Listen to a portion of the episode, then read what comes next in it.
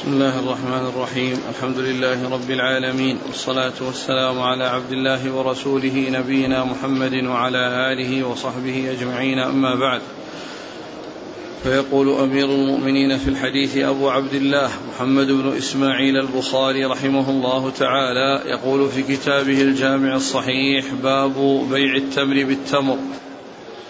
قال حدثنا أبو الوليد قال حدثنا الليث عن ابن شهاب عن مالك بن أوس أنه سمع عمر رضي الله عنهما عن النبي صلى الله عليه وآله وسلم أنه قال البر بالبر ربا إلا هاء وهاء والشعير بالشعير ربا إلا هاء وهاء والتمر بالتمر ربا إلا هاء وهاء بسم الله الرحمن الرحيم.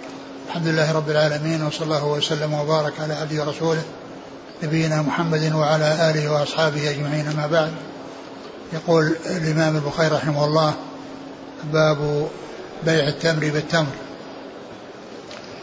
أي أن بيع التمر بالتمر لا بد فيه من أمرين لا بد من التماثل والتساوي ولا بد من التقابض. لا بد من التماثل والتساوي ولا بد من التقابض. والتماثل والتماثل لا بد منه. وإذا اختل التماثل صار ربا الفضل يعني ربا الزيادة بأن يكون أحدهما أزيد من الآخر. ولا بد أن يكون هناك تساو بين التمر والتمر سواء كان التمر جيدا أو كان رديئا لا بد من التماثل بينهما. وإذا أراد الإنسان الذي عنده تمر رديء أن يحصل على تمر جيد فإنه يبيعه بالدراهم ثم يشتري بالدراهم الجيد كما جاء ذلك في الحديث عن النبي صلى الله عليه وسلم أنه قال بع بع الجمع الجمع بالدراهم. واشتري بالدراهم آه، واشتر بالدراهم. جنيبة. جي لا جنيبة. واشتر بالدراهم جنيبة. يعني الجنيب هو الجيد والجمع هو المجمع. يعني من أشياء متعددة. ولا شك أنه دون الشيء الذي هو يكون منه نوع واحد ويكون جيدا. وسواء كان أيضا جيدا أو غير جيد المهم لا بد من التساوي والتماثل. الجيد آه، الجيد بالجيد والجيد والرديء بالرديء والجيد بالرديء والرديء بالجيد كل ذلك لا بد فيه من التساوي ولا بد فيه من التماثل بالكيل وأما ربا الفضل ففي قوله إلا هاء وهاء يعني أن أنه لا بد أيضا من التقابض وبذلك يعني السلامة من ربا النسيئة الذي هو التأجيل.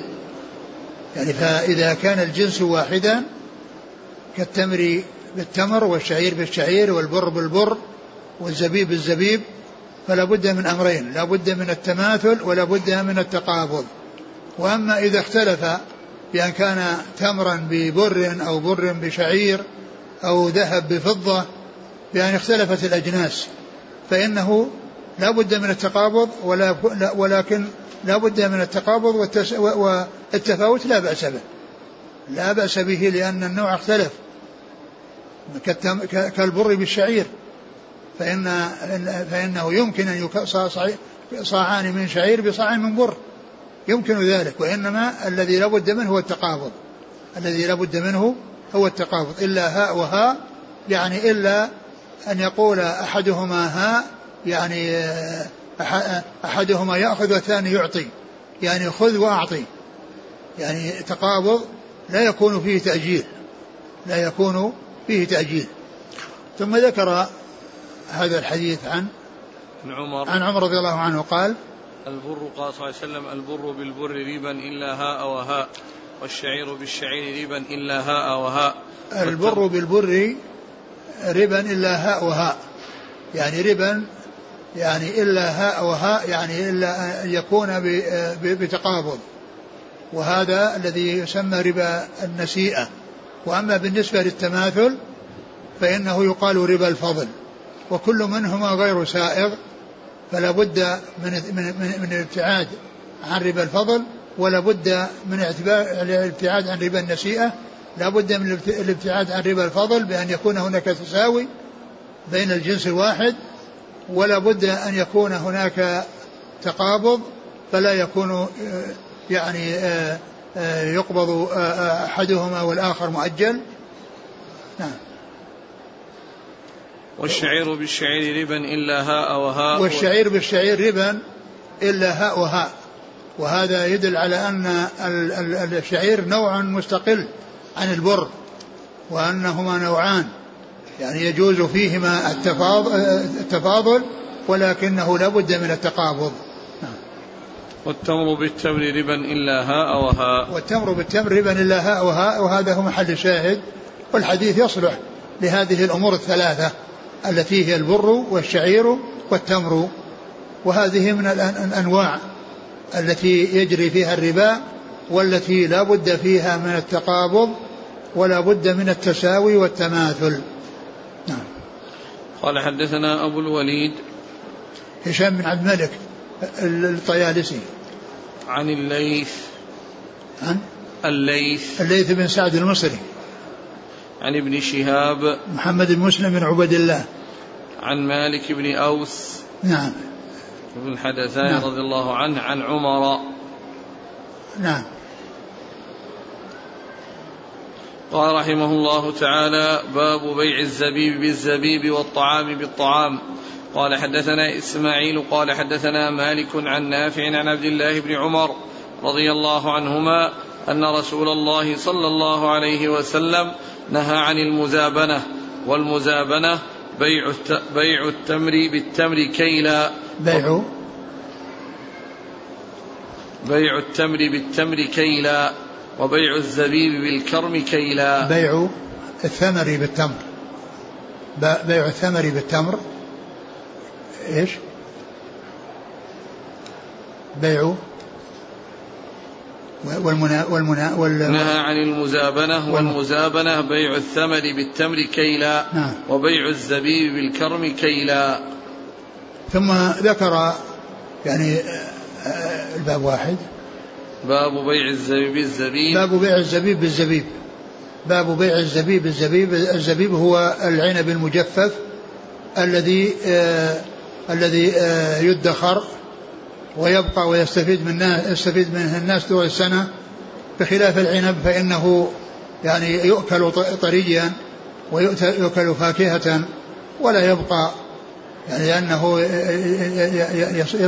يصل إليه الخراب ويحصل له الخراب ببقائه لرطوبته وللماء الذي فيه. ولكنه إذا كان مجففا ويابسا فإنه يكون يعني قوتا ويدخر.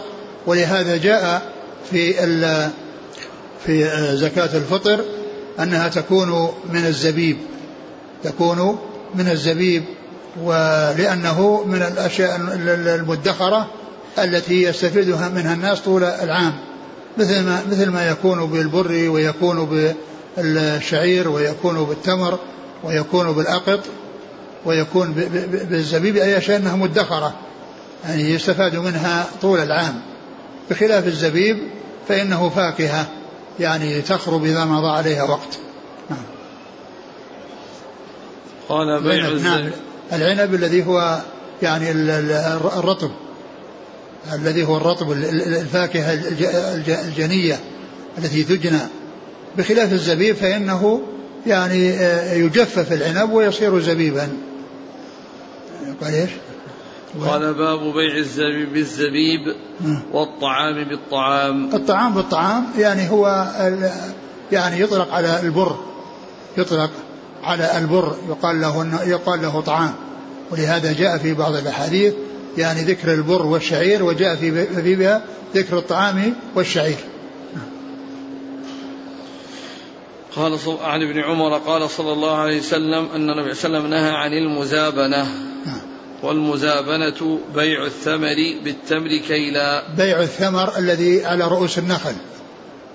الثمر الذي في رؤوس النخل يعني يعني لا يباع بالتمر كيلا لأن التمر يعني الذي يكال والذي هو الذي هو تمر يختلف عن الرطب الذي في رؤوس النخل الذي في رؤوس النخل.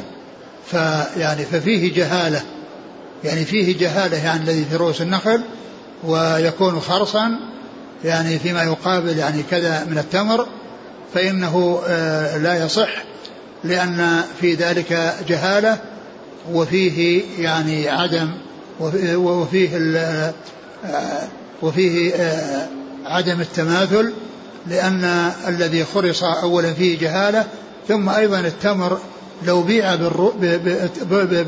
بالرطب فإنه لا يصح. لأنه قد جاء في الأحاديث في بعض الأحاديث النبي صلى الله عليه وسلم عن بيع الرطب بالتمر فقال أينقص الرطب إذا جف؟ قالوا نعم. قال فلا إذن. لأنه لا يكون فيه تساوي إذا جف. يعني إذا صار صاع من رطب وصاع من تمر تمر يابس فإن الرطب إذا جف يعني يقل يعني وينقص. قال أينقص الرطب إذا جف؟ قال قالوا نعم. قال فلا إذن. وبيع الزبيب بالكرم كي لا بيع الزبيب بالكرم يعني عنبا العنب يعني بكونه يشترى زبيب يعني مكيل بخرص يعني شيء من العنب في شجره و يعني فإن ذلك فيه جهالة أي يعني أن العنب يعني لو جف أو لو جفف الرطب العنب لو جفف وكان زبيبا فإنه ينقص نعم.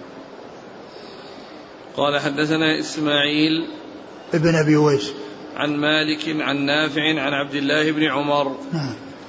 قال حدثنا أبو النعمان قال حدثنا حماد بن زيد عن أيوب عن نافع عن ابن عمر رضي الله عنهما أن النبي صلى الله عليه وسلم نهى عن المزابنة.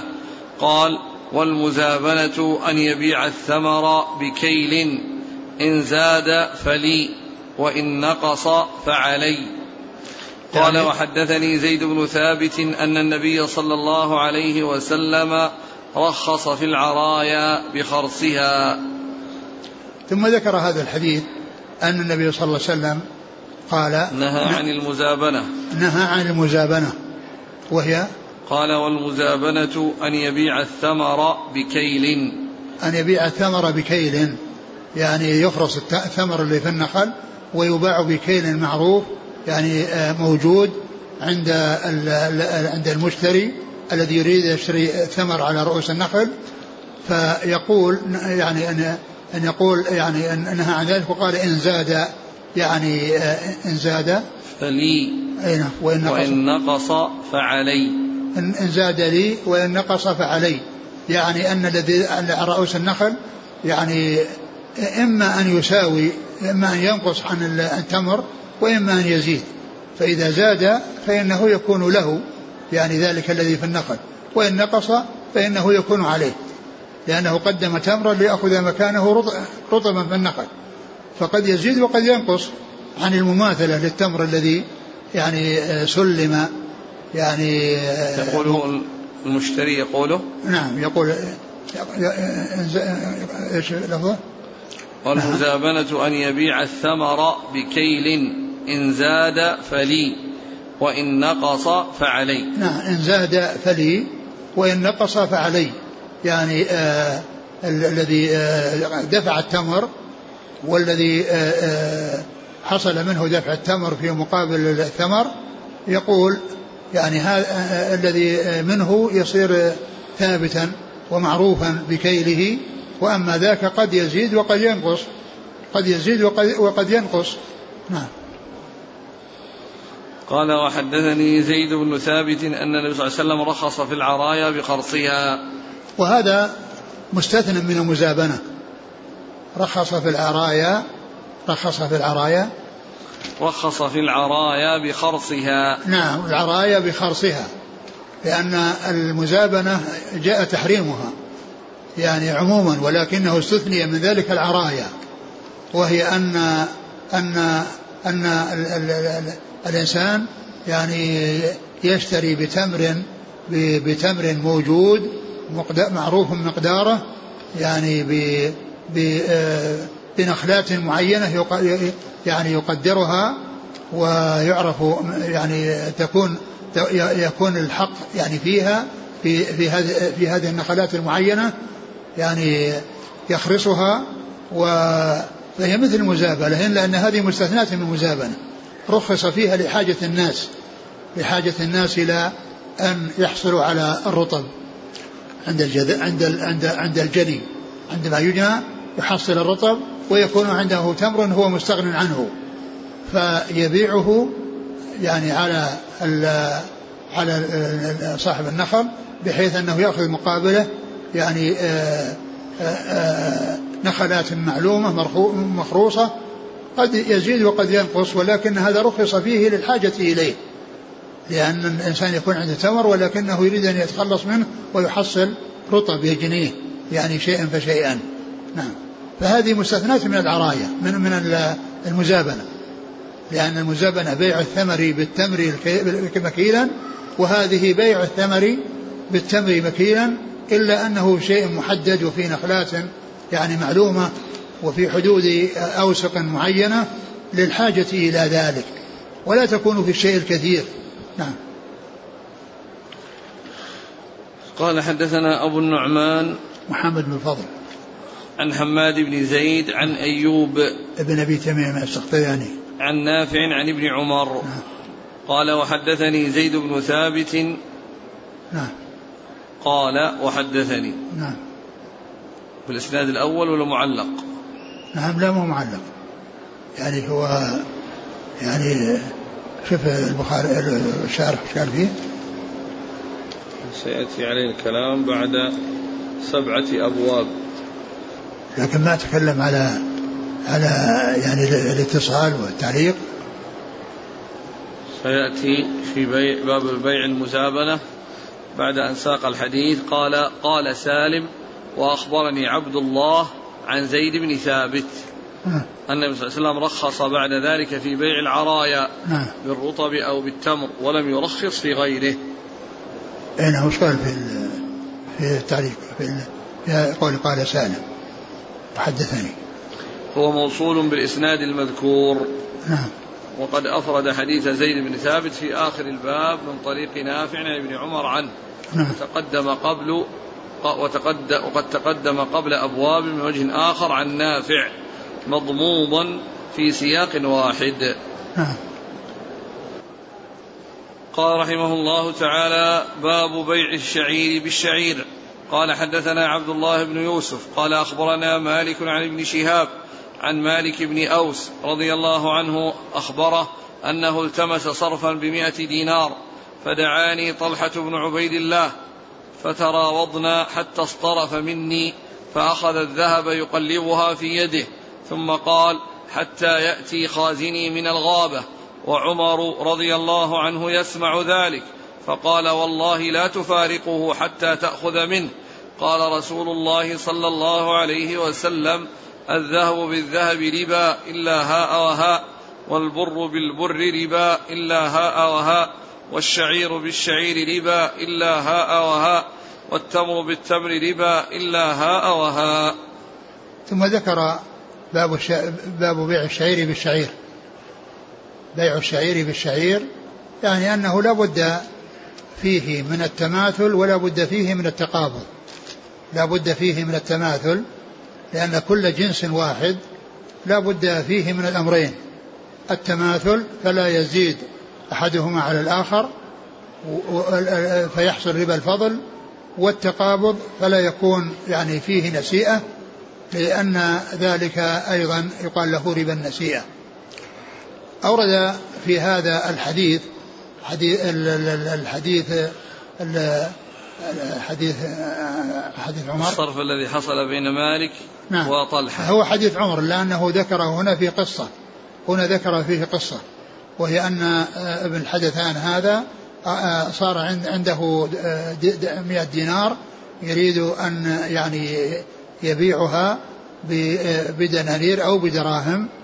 فكان يقلبها طلحة بن عبيد الله رضي الله تعالى عنه وقال إذا جاء عاملي من الغابة. حتى يأتي خازني حتى يأتي خازني من الغابة يعني فيعطيه. يعني معناه أنه يعني يقبض منه ولكنه ينتظر حتى يأتي خازن الغبة ويعطيه مقابلها الصرف. فعمر رضي الله عنه أنكر ذلك ومنع منه. وقال والله لا تفعل. يعني لأن النبي صلى الله عليه وسلم قال والله لا تفعل. قال والله لا تفارقه حتى تأخذ منه. والله لا تفارقه حتى تأخذ منه. يعني ليس فيه ليس فيه نسيئة. ومعلوم أن النسيئة يعني يكون ولو في وقت قليل أو في زمن يسير. يعني لا يلزم أن يكون فيه مدة طويلة بل لابد من من من, من التقابض. يعني هاء وهاء يعني خذ وأعطي. ما فيه مسافة أو فيه فجوة بأن يكون هذا يأخذ بعد قليل يعطيه وإنما يعني يترك تترك المبايعة حتى يأتي هذا الذي آه، يدفع في مقابل هذه الدنانير وعند ذلك يسلم من الربا فيسلم من ربا الفضل ومن ربا النسيئة. إلا أنه إذا كان الصرف 100 دنانير 100 دينار ستكون في مقابلها فضة فإنه يعني يجوز التفاضل ولكن لا بد من التقابض.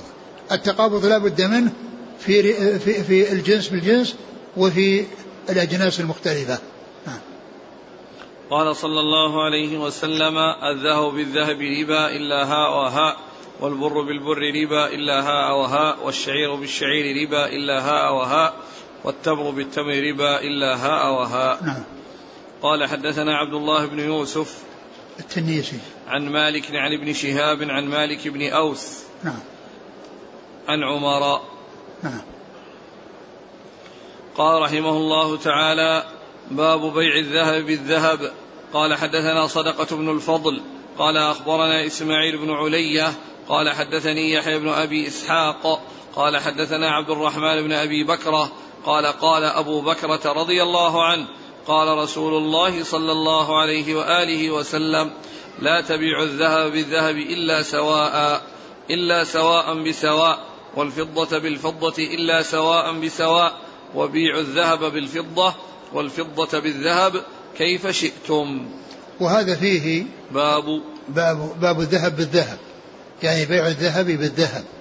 وهذا ذكر فيه ربا الفضل وربا النسيئة فقال يعني لا تبيعوا الذهب بالذهب إلا سواء يعني مثلا بمثل مثلا بمثل ولا لا تبيع الذهب بالذهب إلا سواء بسواء نعم. والفضة بالفضة إلا سواء بسواء وبيع الذهب بالفضة والفضة بالذهب كيف شئتم. يعني ذكر الأمرين ربا الفضل وربا النسيئة وأنهما يعني آه يعني آه غير سائغين بالنسبة للجنس الواحد يعني بالنسبة لربا الفضل ربا النسيئة وأما الفضل فلا بد من التساوي. لا بد من التساوي ولا بد من التقابض. وأما إذا كان الجنسين فإن التقابض لا بد منه والتساوي لا بأس والزيادة بعضهم على بعض لا بأس لأن هذا بعضها أكمل من بعض. فالفضة فالذهب يعني أكمل من الفضة والبر أكمل من الشعير وهكذا. فإذا بيع بعضها ببعض فإنه لا بد من التقابض وأما التفاضل لا بأس به وإنما التفاضل يمنع في, المت... في الجنس الواحد. يمنع في الجنس الواحد. قال لا تبيعوا الذهب. بالذهب إلا سواء بسواء نعم. والفضة بالفضة إلا, إلا سواء, سواء بسواء. لكن إذا بيع الذهب بالفضة والفضة بالذهب كيف شئتم؟ كيف شئتم؟ يعني من ناحية ال من ناحية ال الزيادة بعضها على بعض. لأن الأجناس اختلفت ولكن لا بد من التقابض. نعم. قال حدثنا صدقة بن الفضل نعم. عن إسماعيل بن علية نعم. عن يحيى بن أبي إسحاق نعم. عن عبد الرحمن بن أبي بكرة نعم. عن أبي بكرة. نعم. نفيع بن الحارث رضي الله عنه. نعم. قال رحمه الله تعالى باب بيع الفضة بالفضة. قال حدثنا عبيد الله بن سعد. قال حدثنا عمي قال حدثنا ابن أخي الزهري عن عمه قال حدثني سالم بن عبد الله عن عبد الله بن عمر رضي الله عنهما أن أبا سعيد رضي الله عنه حدثه مثل ذلك حديثا عن رسول الله صلى الله عليه وآله وسلم. فلقيه عبد الله بن عمر فقال يا أبا سعيد ما هذا الذي تحدث عن رسول الله صلى الله عليه وآله وسلم؟ فقال أبو سعيد في الصرف سمعت رسول الله صلى الله عليه وآله وسلم يقول الذهب بالذهب مثلا بمثل والورق, والورق بالورق مثلا بمثل. ثم قال باب بيع الفضة بالفضة. باب الفضة, الفضة بالفضة. يعني هذاك باب الذهب بالذهب وهما جنس واحد وهنا بيع الذهب الفضة بالفضة وهما جنس واحد. وهما جنس واحد. ثم ورد فيه حديث حديث أبي, أبي, أبي سعيد رضي الله عنه. قال قال صلى الله عليه وسلم الذهب بالذهب مثلا بمثل والورق بالورق مثلا بمثل. نعم مثلا بمثل يعني أنه من ناحية لا يجوز ربا الفضل. وأما ربا النسيئة وأما ربا النسيئة فكذلك أيضا لا بد فيه من التقابض ولا و و و والتفاضل إذا إذا إذا اختلف الجنس لا بأس به. ولكن إذا حصل الجنس الواحد لا بد من أمرين. نعم. قال حدثنا عبيد الله بن سعد نعم. عن عمه إبراهيم. يعقوب بن إبراهيم. يعقوب بن إبراهيم نعم. عن ابن أخي الزهري. ابن أخي الزهري وهو محمد بن عبد الله بن مسلم. محمد بن عبد الله لأن الزهري محمد بن عبيد الله وأخوه وأخوه عبد الله فهذا ابن أخيه يروي عن عمه الزهري. نعم. عن عمه الزهري. عن سالم بن عبد الله عن عبد الله بن عمر عن أبي سعيد. نعم. قال حدثنا عبد الله بن يوسف قال أخبرنا مالك عن نافع عن أبي سعيد أبي سعيد الخدري رضي الله عنه أن رسول الله صلى الله عليه وآله وسلم قال لا تبيعوا الذهب بالذهب إلا مثلا بمثل ولا تشفوا بعضها على بعض.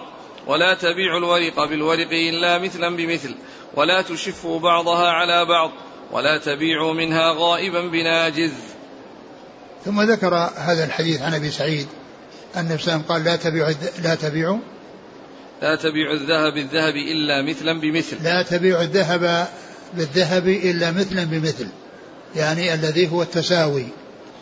ولا تشفوا بعضها على بعض هذا تأكيد الأول لا تشفوا تفضلوا. يعني لا يفضل الذهب على الذهب ويكون فيه آه، زيادة في أحدها في أحد في أحد المبيعين وإنما لابد من التساوي. قال ولا تشرفوا يعني لا تفضلوا. وهو مثل قوله يعني تأكيد لقوله مثلا بمثل. لا تشرفوا لا تفضلوا يعني أنه لابد من التساوي. لا تشفوا أي لا تفضلوا. فهو تأكيد للأول. نعم. ولا تبيع الورق بالورق إلا مثلا بمثل ولا تشف بعضها على بعض. وهذا مثله نعم. ولا تبيع منها غائبا بناجز. هذا يدل على ربا النسيئة وأنه لا يجوز يعني بل لابد من لابد من من, من التقابض. قال لا تبيعوا ناجزا بغائب يعني حاضرا بغائب يعني فإنه لابد من التقابض. فإذا هذا الحديث فيه الجمع بين يعني ربا الفضل وربا النسيئة. ربا الفضل يعني يكون بالمماثلة وكذلك أكد بقوله لا تشرف ولا تفضلوا وأيضا لابد فيه ولا يجوز فيه النساء يعني المتماثلين لابد فيهما من شرطين التماثل والتقابض. وأما إذا اختلف الجنس فالتماثل غير يعني لا بأس به التفاوت لا بأس به ولكن لابد من التقابض. ولهذا قال ناجزا غائبا بناجز. لأن الغائب المؤجل الذي هو نسيئة والناجز الحاضر. فإذا فيه ربا الفضل وربا النسيئة. نعم. قال حدثنا عبد الله بن يوسف عن مالك عن نافع عن أبي سعيد الخدري. نعم.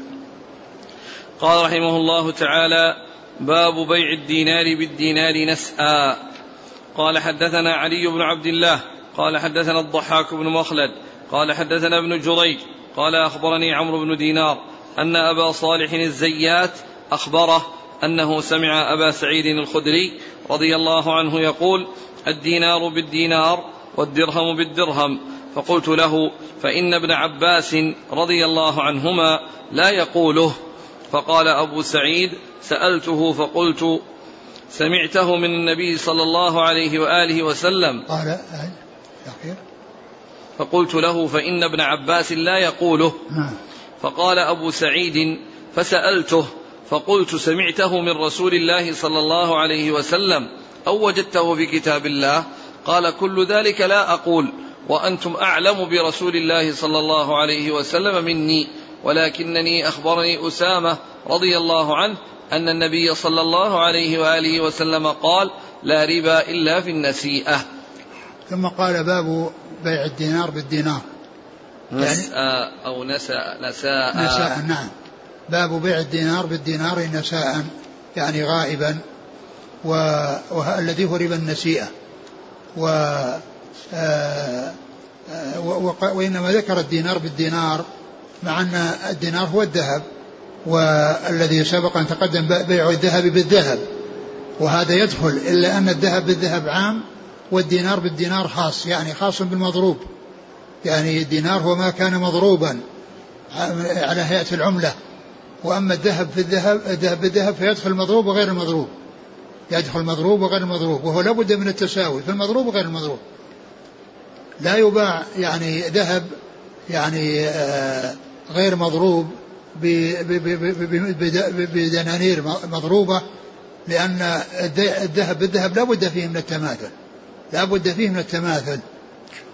وإنما ذكره هنا من أجل أنه مضروب. وأن ذاك عام يدخل إذا كان يعني مضروب أو غير مضروب. إيش قال في الحديث؟ قال عن أبي سعيد رضي الله عنه كان يقول الدينار بالدينار والدرهم بالدرهم. فقلت نعم. له فإن ابن عباس لا يقوله. يعني لا يقول يعني بربا, بربا الفضل. يعني وانما يقول بربا النسيئه يعني لا يقول بربا الفضل وانما يقول بربا ربا النسيئه ولهذا قال انه سمع من اسامه انه يقول ان النبي صلى الله عليه وسلم قال لا ربا لا ربا إلا في النسيئة لا ربا إلا في النسيئة وهذا لا يدل على أن أن الربا مقصور على النسيئة بل يكون في الفضل ويحمل يعني هذا الذي جاء في قول لا ربا إلا في النسيئة يعني في الربا الأشد والربا الأغلظ. يعني هذا هو المقصود منه. وليس معنى ذلك أن ربا الفضل أنه لا بأس به لأن ربا الفضل جاء في أحاديث عن رسول الله صلى الله عليه وسلم التي فيها يعني سواء بسواء ومثلا بمثل وكل هذه دالة على تحريم ربا الفضل.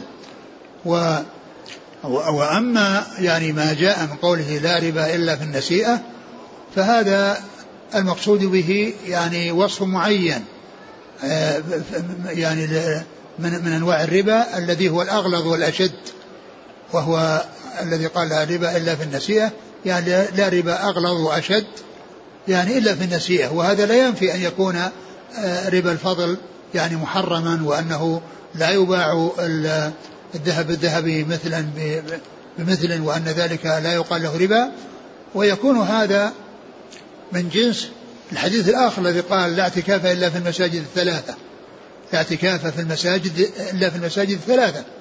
فإن هذا لا يدل على قصر الاعتكاف في المساجد الثلاثة وأن المساجد الأخرى لا يجوز فيها الاعتكاف بل هو جائز في كل مسجد يعني آه، آه، جامع أو يعني فيه جمعة أو جماعة وكونها في الذي فيه جمعة أولى حتى لا يحتاج إلى أن يخرج من مكان اعتكافه ولكنه جائز أن يعتكف في مكان لا جمعة فيه وإذا جاء يوم الجمعة خرج وصلى ثم رجع إلى اعتكافه.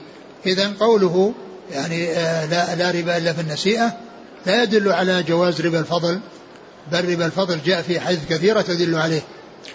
وهذا الذي وهو مثل لا اعتكاف إلا في المساجد الثلاثة يعني لا اعتكاف أفضل ولا اعتكاف أولى وذلك أن هذه المساجد الثلاثة لها فضيلة خاصة لأنها مسا... بناها أنبياء وهي مساجد أنبياء وقد جاء في أحاديث في, في المضاعفة في الصلاة فيها وإن كان فيها تفاوت بين المسجد الحرام والمسجد الأقصى والمسجد النبوي هي متفاوتة ولكنه جاء فيها تفضيل يعني وأن الصلاة فيها تضاعف وأنها مضاعفة. ف يعني إذا آه، لا ربا أفضل ولا ربا أتم ولا لا اعتكاف أفضل ولا اعتكاف أتم من المساجد الثلاثة لأنها لا ميزة على غيرها. نعم. قال حدثنا علي بن عبد الله ابن المديني عن الضحاك بن مخلد. وهو أبو عاصم النبيل ذكر هنا باسمه واسم أبيه ويأتي كثيرا بكنيته أبو عاصم. أبو عاصم وهو الضحاك بن مخلد يعني وهو من شيوخ البخاري الكبار الذين روى عنهم الثلاثيات ولكنه يروي عنه بواسطة. يعني هنا كان يروي عنه بغير واسطة وبواسطة كما مر بنا في مكي بن إبراهيم أنه يروي عنه بواسطة وبغير واسطة. مر بنا حديثان أحدهما عن مكي بن إبراهيم عن, عن رواه البخاري عن شيخه عن مكي بن إبراهيم وهو شيخه لكن روى عنه بواسطة. وجاء عنه أيضا الرواية بغير واسطة. وكل من مكي بن إبراهيم وأبو عاصم النبيل هؤلاء من شيوخه الكبار الذين روى عنهم الثلاثيات. عن ابن جريج. عبد الملك بن عبد العزيز بن جريج. عن عمرو بن عن عمرو بن دينار. نعم. عن أبي صالح الزيات. نعم. عن أبي صالح الزيات يعني هو هذا لقبه. وقيل له الزيات لأنه كان يجلب الزيت. وهو اسمه ذكوان. اسمه ذكوان وكنيته أبو صالح ولقبه الزيات. والسمان. والسمان كذلك. يبيع السمن ويبيع الزيت. نعم. عن أبي سعيد الخدري. نعم.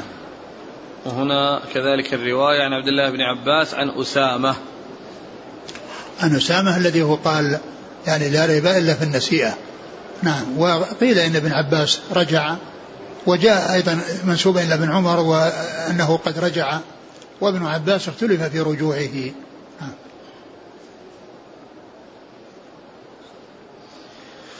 قال رحمه الله تعالى باب بيع الورق بالذهب نسيئة. قال حدثنا حفص بن عمر قال حدثنا شعبة قال أخبرني حبيب بن أبي ثابت قال سمعت أبا المنهال قال سألت البراء بن عازب وزيد بن أرقم رضي الله عنهم عن الصرف فكل واحد منهما يقول هذا خير مني. فكلاهما يقول نهى رسول الله صلى الله عليه وسلم عن بيع الذهب بالورق دينا. ثم ذكر هذا الحديث عن زيد بن ثابت. باب بيع الورق بالذهب باب نسيئة. باب بيع الورق بالذهب نسيئة. نعم. نعم. باب بيع الذهب بالورق بالذهب نسيئة. يعني أنه أنه جائز لكن لا بد من التماثل. لا لا, لا أنه جائز يعني نسيئة والتماثل آآ آآ آآ لا يلزم لأن الذهب يعني أغلى من الفضة. ولكن الذهب لما كان نوعا واحدا لا بد فيه من التواثل ولكن لما اختلف الجنس فإنه لا لا لا بأس لا بأس بالتفاوت. وإن ولكن الذي لا بد منه هو التقابض. وأما التفاوت فإنه جائز لأن الفضة رخيصة والذهب يعني غال وحصول التفاوت بينهما لا بأس به لأنهما لأنهما جنسان والتفاوت بين الجنسين سائغ ولكن الممنوع في في في في, في, في فيهما النساء. نعم. قال سألت أبو المنهال يقول سألت البراء بن عازب وزيد بن أرقم عن الصرف. نعم سألت من يقوله؟ أبو المنهال سيارة أبو سلامة. نعم أبو المنهال يقول سألت آه، زيد بن ثابت و والبراء بن عازب. والبراء بن عازب عن زيد بن أرقم. وزيد بن أرقم زيد بن أرقم والبراء بن عازب. والبراء بن عازب. فكان كل واحد يقول هذا خير مني أو هذا أفضل مني. يعني وهذا يدل على فضل أصحاب الرسول صلى الله عليه وسلم وأن كل واحد منهم يعني يعرف قدر الآخر يعرف قدر غيره وكل منهم يحيل إلى الآخر.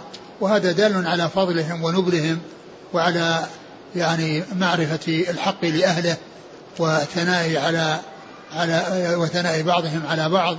و يعني وكون كل واحد منهما يريد أو يحيل إلى غيره ليجيب وليحصل منه الجواب. نعم. قال كل منهما يقول هذا خير مني. يقول نهى الرسول صلى الله عليه وسلم عن بيع الذهب بالورق دينا. نعم نهى عن بيع الذهب بالورق دينا. نعم. قال حدثنا حفص بن عمر نعم. عن شعبة عن حبيب بن أبي ثابت عن أبي المنهال. هو سيار بن سلامة. نعم. عن البراء بن عازب وزيد بن أرقم. نعم. قال رحمه الله تعالى باب بيع الذهب بالورق يدا بيد. باب بيع الذهب بالورق. نعم. يدا بيد. نعم. قال حدثنا عمران بن ميسرة. قال حدثنا عباد بن العوام. قال أخبرنا يحيى بن أبي إسحاق. قال حدثنا عبد الرحمن بن أبي بكرة عن أبيه رضي الله عنه أنه قال نهى النبي صلى الله عليه وآله وسلم عن الفضة بالفضة والذهب بالذهب إلا سواء بسواء وأمرنا أن نبتاع الذهب بالفضة كيف شئنا والفضة بالذهب كيف شئنا. وهذا مثل الذي قبله. باب بيع الذهب بالورق يدا بيد. باب بيع الذهب بالورق يدا بيد. يعني أنه لا بد فيه من التقابض. لا بد من التقابض. وأما التماثل فليس بلازم. وذكر فيه الحديث الذي فيه الذي قال فيه نهى الرسول صلى الله عليه وسلم عن الفضة بالفضة والذهب بالذهب إلا سواء بسواء. نعم يعني هذا يعني لابد من التساوي وأن وأن الجنس الواحد لابد فيه من التساوي إذا بيع بعضه ببعض وأما إذا بيع بجنس آخر فإنه لا يلزم التساوي ولكن لابد من التقابض في الجميع. لابد من التقابض يعني في الجنس الواحد فيما كان من جنس واحد كالذهب بالذهب ولا بد من التماثل وأما إذا اختلف الجنس فإن التماثل ليس بلازم والتقابض لا بد منه. وأمرنا أن نبتاع الذهب بالفضة كيف شئنا يعني كيف شئنا؟ يعني بالتفاضل. يعني ليس فيه تماثل. كيف شئنا؟ يعني مهما كان هذا غاليا هذا يعني الذهب يعني آه، مقابله فضة آه، كثيرة أو قليلة يعني المهم أن التفاضل آه، سائغ. نعم. التفاضل سائغ وعدم التقابض يعني عدم عدم عدم التقابض يعني شرط. التقابض التقابض شرط وأما التفاضل ف يعني فلا ينظر فيه. وإنما يعني يجوز يعني الزياده بعضها على بعض لكن الذي لا بد منه هو التقابض. لأن التقابض مشروط فيما إذا كان جنسا واحدا وإذا كان جنسين. وأما التساوي فإنه لا يلزم فيما إذا كان جنسا واحدا.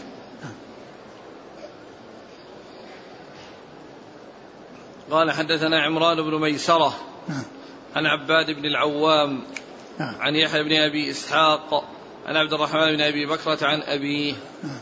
قال رحمه الله تعالى باب بيع المزابنة وهي بيع الثمر بالتمر وبيع الزبيب بالكرم وبيع العرايا قال أنس رضي الله عنه نهى النبي صلى الله عليه وسلم عن المزابنة والمحاقلة قال حدثنا يحيى بن بكير قال حدثنا الليث بن قال حدثنا الليث عن عقيل عن ابن شهاب قال أخبرني سالم بن عبد الله عن عبد الله بن عمر رضي الله عنهما أن رسول الله صلى الله عليه وآله وسلم قال لا تبيع الثمر حتى يبدو صلاحه ولا تبيع الثمر بالتمر ثم قال.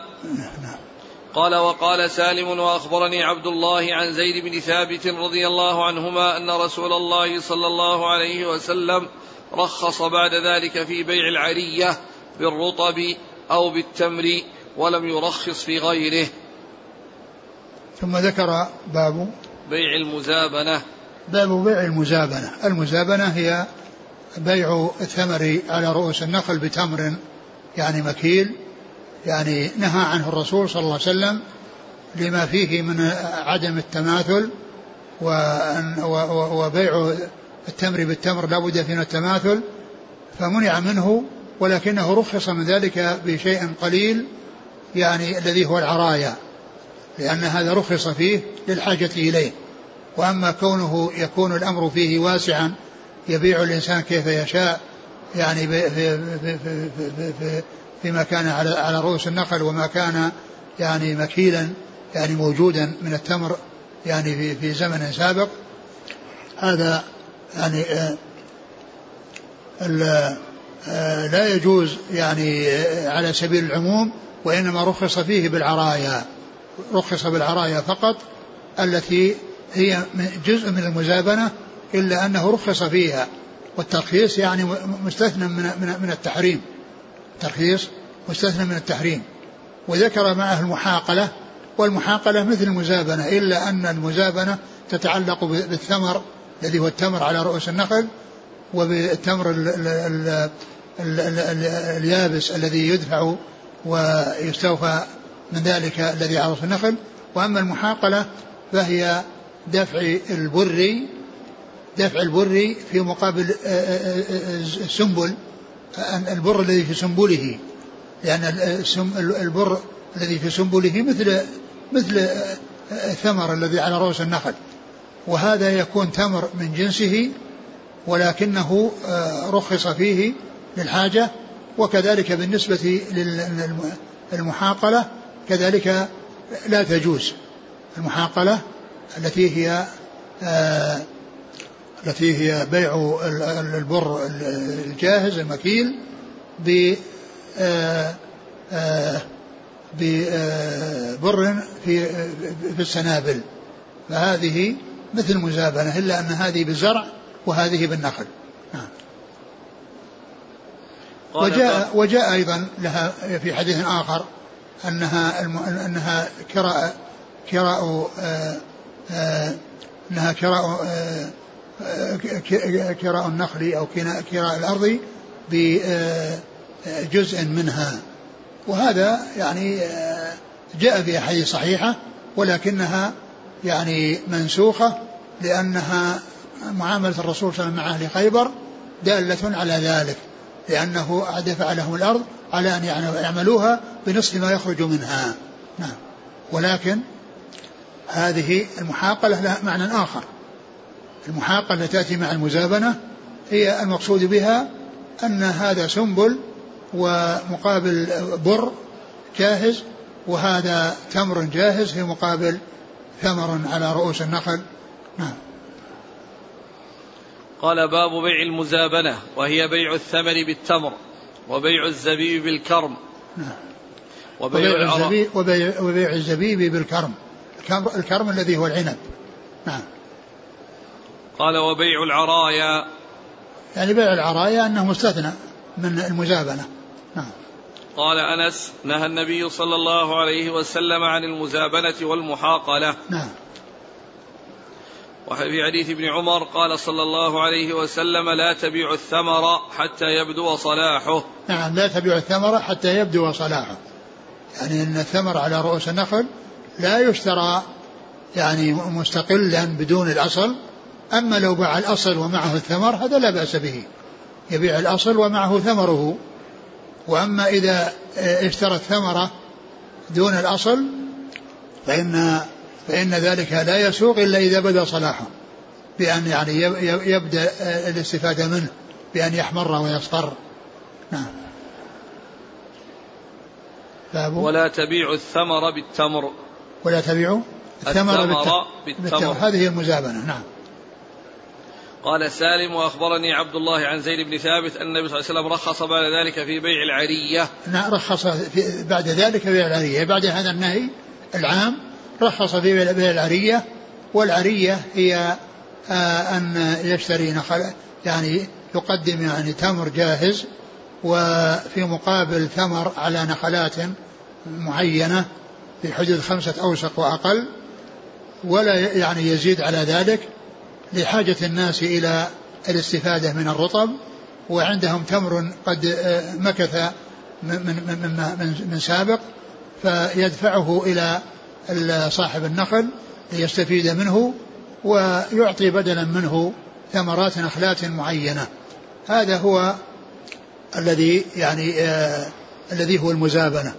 وقد جاء يعني في, في العرايا يعني معنى آخر وهو أن الإنسان يعطي إنسانا نخلات معينة يتصدق بها على إنسان فتكون هذه مثل عرية مثل مثل المنيحة بالنسبة للغنم فكل إنسان يعطي إنسان منيحة يحلبها ثم يرجعها إلى صاحبها. وهذا آه، يعطي يعني نخل نخلات معينة للفقير بحيث أنه يجني ثمرها ويستفيد منها. فيتضرر صاحب ال صاحب ال صاحب النخل بتردده ودخوله عليه ويريد أن يسلم من هذا الترداد فيشتري منه يعني تلك يعني تلك النخلات ويعني يعني وهذا رخص فيه لأنه شراء شيء منحه. ومن المعلوم أن الإنسان إذا منح شيئا أو أعطى شيئا أو تصدق بشيء لا يشتريه كما جاء في الحديث في قصة عمر الذي قال إن أنه أعطى فرسا ليجاهد فيه وأنه آه، آه، صاحبه يعني يريد أن يبيعه. فقال لا تبتعه ولو باعكه بدرهم.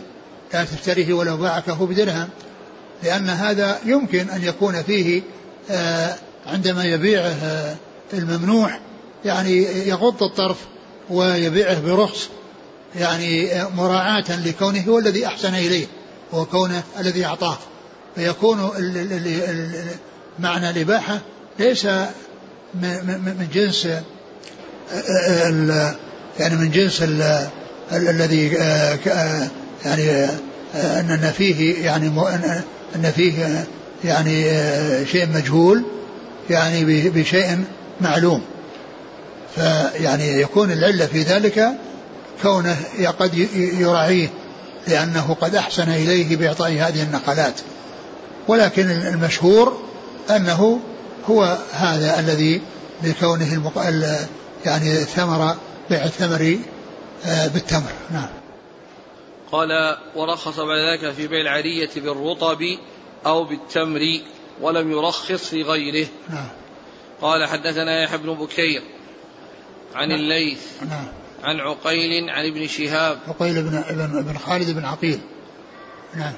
عن سالم بن عبد الله عن عبد الله بن عمر. نعم. قال وقال سالم وأخبرني عبد الله عن زيد بن ثابت قال حدثنا عبد الله بن يوسف قال أخبرنا مالك عن نافع عن عبد الله بن عمر رضي الله عنهما أن رسول الله صلى الله عليه وآله وسلم نهى عن المزابنة والمزابنة اشتراء الثمر بالتمر كيلا وبيع الكرم بالزبيب كيلا. باب؟ الباب نفسه باب بيع المزابنة السابق. نعم بيع المزابنة وهذا قال يعني نهى عن المزابنة وهي بيع الثمر بالتمر كيلا يعني الكيل الذي يكون يعني موجود عند المشتري. وأما صاحب النخل فإنه يبيع الثمر الذي على رؤوس النخل وذلك لما فيه من من الجهالة لأنه قد يزيد هذا اللي يخرص وقد ينقص. يعني هذا الخرص قد يعني ينقص عن هذا التمر وقد يزيد. و فلا يجوز لعدم تحقق التماثل ولكنه رخص بالعرايا فقط مستثناة من بيع المزابنة. وكذلك بالنسبة بالنسبة للنخل وبالنسبة للزبيب يعني ب مع مع مع العنب. نعم. قال حدثنا عبد الله بن يوسف عن مالك عن نافع عن عبد الله بن عمر. قال حدثنا عبد الله بن يوسف قال أخبرنا مالك عن داود بن الحصين عن أبي سفيان مولى بن أبي أحمد عن أبي سعيد الخدري رضي الله عنه أن رسول الله صلى الله عليه وسلم نهى عن المزابنة والمحاقلة والمزابنة اشتراء الثمر بالتمر في رؤوس النخل. يعني ثم ذكر هذا الحديث عن, عن أبي سعيد. عن أبي سعيد رأس عن المزابنة والمحاقلة. والمزابنة هي هي مثل ما تقدم يعني بيع الثمر التمر بالثمر في رؤوس النخل. والمحاقلة هي بيع البر الجاهز في بر في سنابله. نعم. قال حدثنا عبد الله بن يوسف عن مالك عن داود بن الحصين نعم. عن أبي سفيان مولى بن أبي أحمد نعم. عن أبي سعيد الخدري. قال حدثنا مسدد قال حدثنا أبو معاوية عن الشيباني عن عكرمة عن ابن عباس رضي الله عنهما أنه قال نهى النبي صلى الله عليه وسلم عن المحاقلة والمزابنة.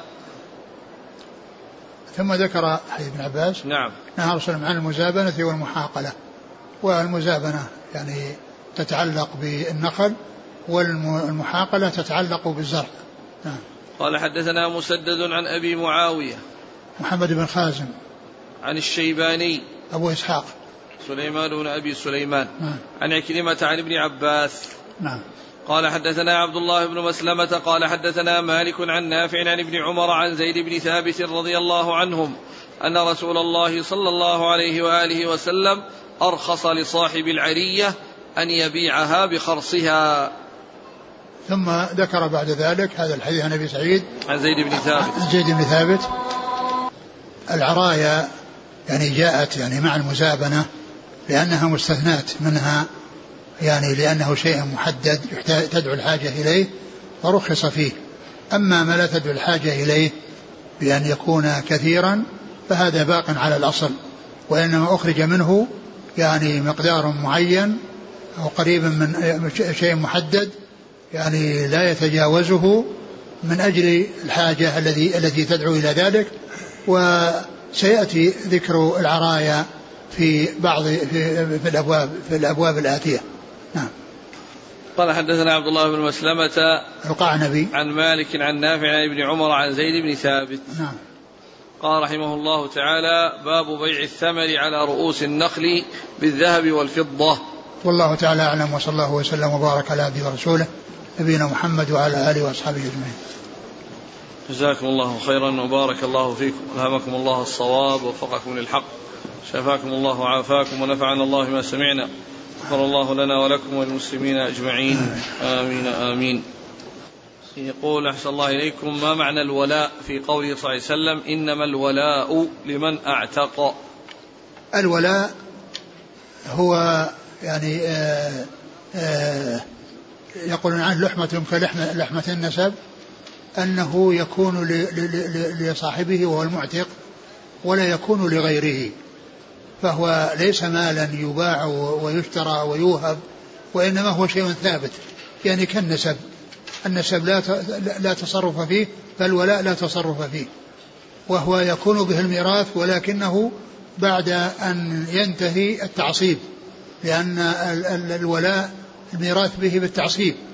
ليس يعني بال ليس بالفروض وإنما هو خاص بالتعصيب ولكنه آخر شيء آخر شيء يؤتى به التعصيب لأن اولا الآباء والأبناء ثم الإخوة وأبناء الإخوة لشقه ولاب ثم ال ال ثم الأعمام ثم أبناء الأعمام يعني ثم بعد ذلك الولاء.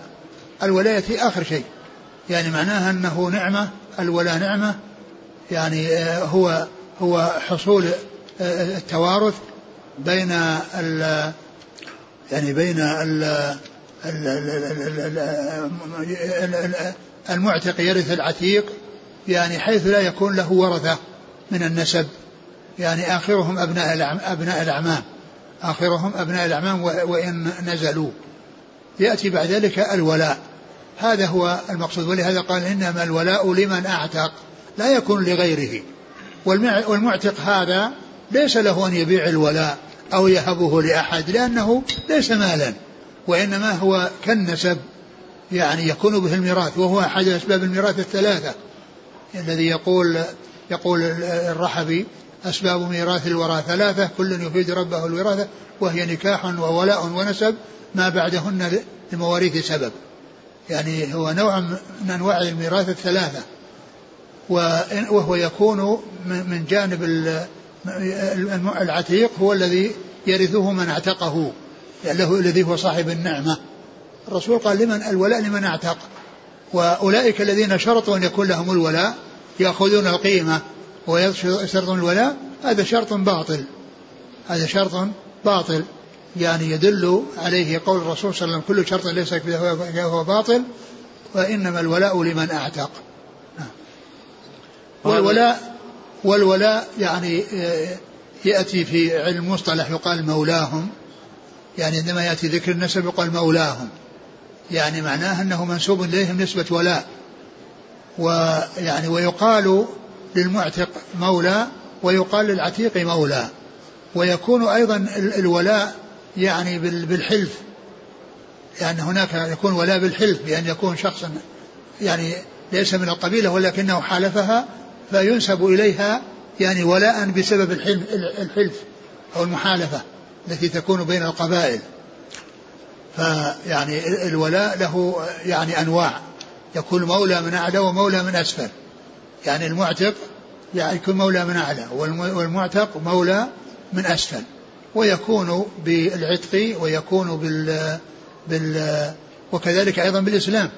يعني يكون إذا أسلم على يد مثل الإمام البخاري يعني مولى الجعفيين لأن جده أسلم على يد واحد من الجعفيين فنسب إليه ولهذا النووي رحمه الله لما ذكر يعني البخاري ومسلم قال البخاري محمد بن محمد بن إسماعيل قال محمد بن إسماعيل بن إبراهيم بن مغيرة بن بردزبة البخاري الجعفي مولاه الجعفي مولاهم أتى بكلمة مولاهم لأنه يعتبر ينسب الجعفيين ولاء لأن أحد أجداده أسلم على يد رجل من الجعفيين.